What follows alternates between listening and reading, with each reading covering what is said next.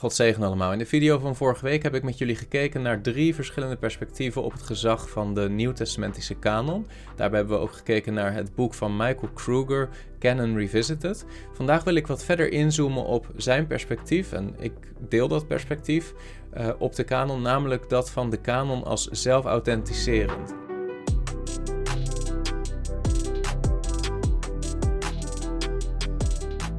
Wat betekent het dat de kanon zelf authenticerend is? Dat klinkt nogal ingewikkeld, maar dat is het niet. Uh, zelf authenticerend wil zeggen dat de kanon zelf bepaalt hoe het gezag van de kanon bevestigd kan worden voor ons. De kanon als Gods woord is niet alleen maar waarachtig, maar is het criterium, het ultieme criterium voor wat waarheid is. Het is het ultieme gezag.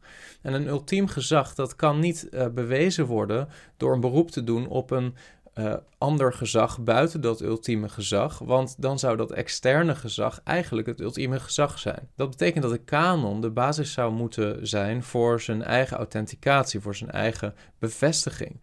En dat klinkt als een cirkelredenering, als een, een voorbeeld van epistemische circulariteit. Maar dat is iets wat we soms accepteren. We, we accepteren een zekere cirkelredenatie op het moment dat we bijvoorbeeld uh, de betrouwbaarheid van onze zintuigen veronderstellen om de betrouwbaarheid van onze zintuigen aan te tonen.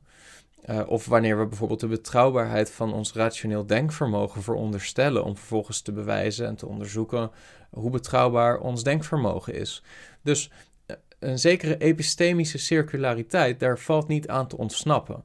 En dat is niet alleen maar op het vlak van theologie of uh, christelijke epistemologie, maar dat geldt ook in de seculiere wereld.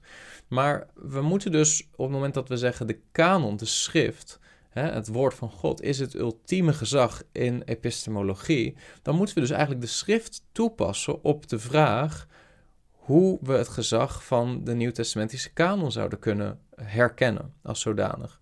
Um, geeft de schrift ons informatie over wat behoort tot de kanon. En dan denk ik dat het wel duidelijk is dat de schrift ons niet een directe lijst geeft met boeken die behoren tot de kanon, maar de schrift geeft ons wel aanwijzingen en eigenschappen van de geschriften die we vervolgens kunnen toepassen op de vraag wat behoort nou tot de nieuwtestamentische kanon. dus God heeft eigenlijk, en zo betoogt ook Michael Kruger, een epistemische omgeving gecreëerd. Episteme betekent kennis, dus God heeft een omgeving gecreëerd waarbinnen wij kennis kunnen krijgen van wat de kanon is op een betrouwbare wijze. En die epistemische omgeving die bestaat volgens Michael Kruger uit drie componenten. En dat vormt de basis voor dat zelfauthenticerend model voor de kanon. Het eerste component is providentiële blootstelling.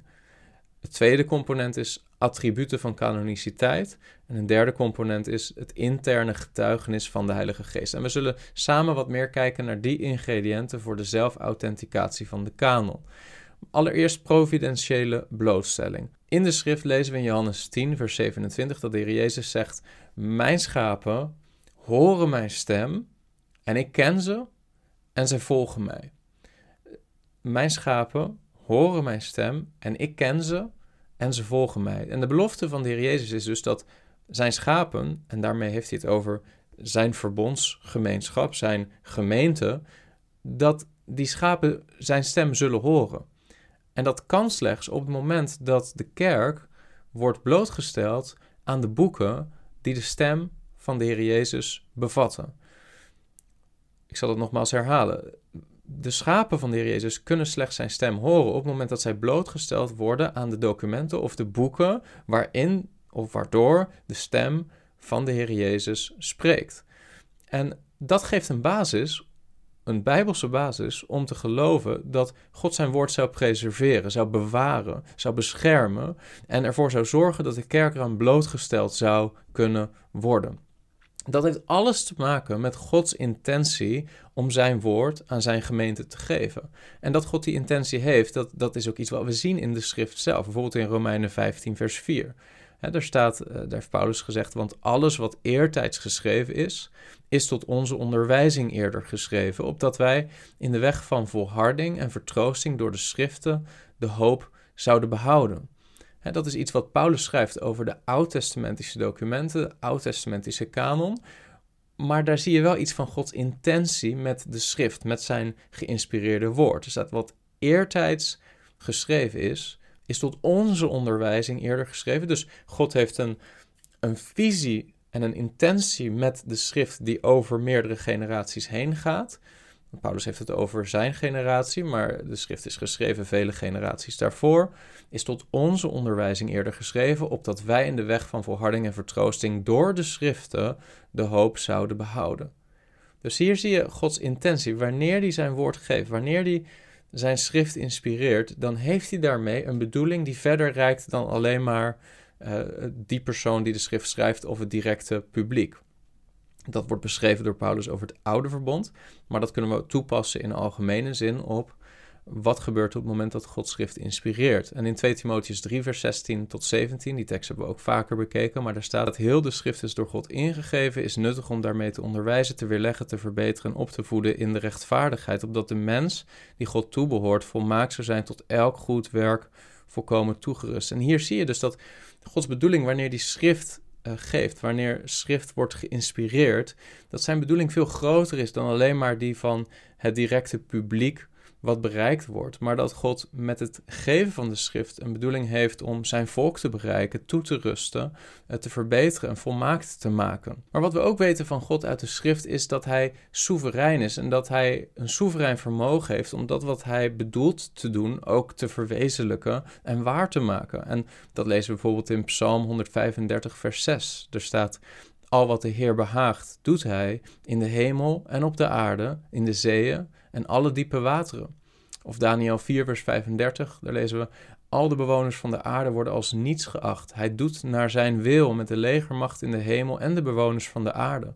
Er is niemand die zijn hand kan wegslaan of tegen hem kan zeggen: Wat doet u?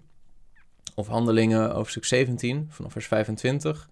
Hij wordt ook door mensenhanden niet gediend alsof hij iets nodig heeft, omdat hij zelf aan alle het leven geeft, de adem geeft en alle dingen geeft. En hij maakte uit één bloed heel het menselijk geslacht om op heel de aardbodem te wonen. En hij heeft de hun van tevoren toegemeten tijden bepaald en de grenzen van hun woongebied, opdat zij de Here zouden zoeken, of zij hem misschien al tastend zouden mogen vinden, hoewel hij niet ver is van ieder van ons. Want in hem leven wij, bewegen wij ons, bestaan wij, zoals ook enkele van uw dichters gezegd hebben, want wij zijn ook van zijn geslacht. Dus dat om iets over Gods soevereiniteit en zijn bedoeling, zijn soevereine plan te laten zien. Dat lezen we ook in Efeze 1, vers 11. Daar staat in hem, dat wil zeggen in Christus, zijn wij ook een erfdeel geworden, wij die daartoe voorbestemd waren, naar het voornemen van hem die alle dingen werkt, overeenkomstig de raad van zijn wil. Of Hebreeën 1, vers 3.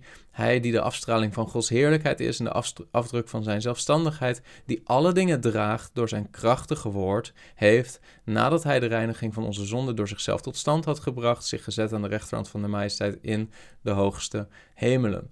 Dus uh, de Bijbel laat ons zien dat God een plan heeft. En dat dat plan dat de schrift daar onderdeel van is. Dat dat Gods bijzondere openbaring, dat dat onderdeel is van Gods plan om zichzelf bekend te maken aan zijn verbondsvolk, aan zijn gemeente. En dat is providentiële blootstelling. Dat is God die alle dingen leidt vanuit zijn soevereiniteit. En dat is een belangrijk onderdeel van een Bijbels perspectief op de kanon, op dat zelfauthenticerende model van de kanon. Dat God soeverein is en dus ook in staat is om niet alleen te spreken, maar ervoor te zorgen dat dat wat gesproken wordt door hem, dat dat gepreserveerd wordt, dat het, hè, dat het opgeschreven wordt allereerst, dat het vervolgens bewaard wordt en dat het zijn volk bereikt, zodat het kan uitwerken datgene waartoe God het uitgezonden heeft. Ongetwijfeld was er ook, hè, er waren ook andere documenten in de tijd van de eerste gemeente in de eerste eeuw. Er wordt bijvoorbeeld naar Paulus, er wordt door Paulus verwezen naar een andere brief van Paulus. Uh, bijvoorbeeld in 1 Korinthe hoofdstuk 5 vers 9, daar schrijft Paulus: Ik heb u geschreven in de brief dat u zich niet moet inlaten met ontuchtplegers. Nou goed, die brief waar Paulus naar verwijst, die hebben we niet meer. En dan zou je kunnen denken, nou die brief is geïnspireerde schrift, is geschreven door een apostel, is apostolisch. Dus als we die brief nu opeens zouden ontdekken, dan is die onderdeel van de kanon.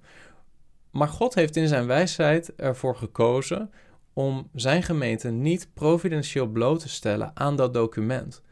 En dus is vanuit de zelfauthenticerende visie op de kanon, is dat document geen onderdeel van de kanon. Het kan best geïnspireerd zijn, omdat het apostolisch gezag van Paulus eraan verbonden zit.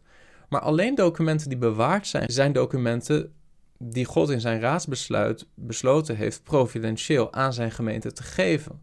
Dus vanuit die godgecentreerde visie op de schrift en op de kanon is het feit dat Paulus andere brieven heeft geschreven die wij niet meer hebben, is niet relevant voor de kanon, maar betekent juist dat dat document niet in de kanon thuis hoort, omdat God ervoor gekozen heeft het niet aan de gemeente te schenken. Alleen documenten die bewaard zijn gebleven, zoals 1 Petrus, maar ook de herder van Hermas, wat niet in onze kanon zit, maar wel bewaard is gebleven, hè, of de eerste brief van Clemens van Rome aan uh, Korinthe, ook een vroeg christelijk document.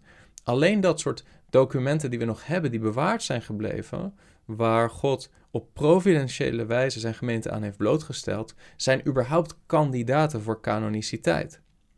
Maar verloren documenten, die door God um, niet verordineerd zijn om bewaard te blijven, kunnen niet onderdeel zijn van een nieuwtestamentische kanon. Dus samengevat, alleen die boeken waaraan God de kerk providentieel heeft blootgesteld en die dus nog steeds beschikbaar zijn voor ons vandaag de dag, kunnen onderdeel zijn van de kanon. Maar hoe maken we dan het onderscheid tussen uh, de documenten die wel thuis horen in die kanon, van de documenten die we nog hebben, en de documenten daar, die daar niet in thuis horen? Daar zullen we volgende keer verder over nadenken. Heb je iets gehad aan deze video? Druk dan op like, dan zullen meer mensen deze video zien. En wil je vaker dit soort apologetische video's zien? Abonneer dan op dit kanaal.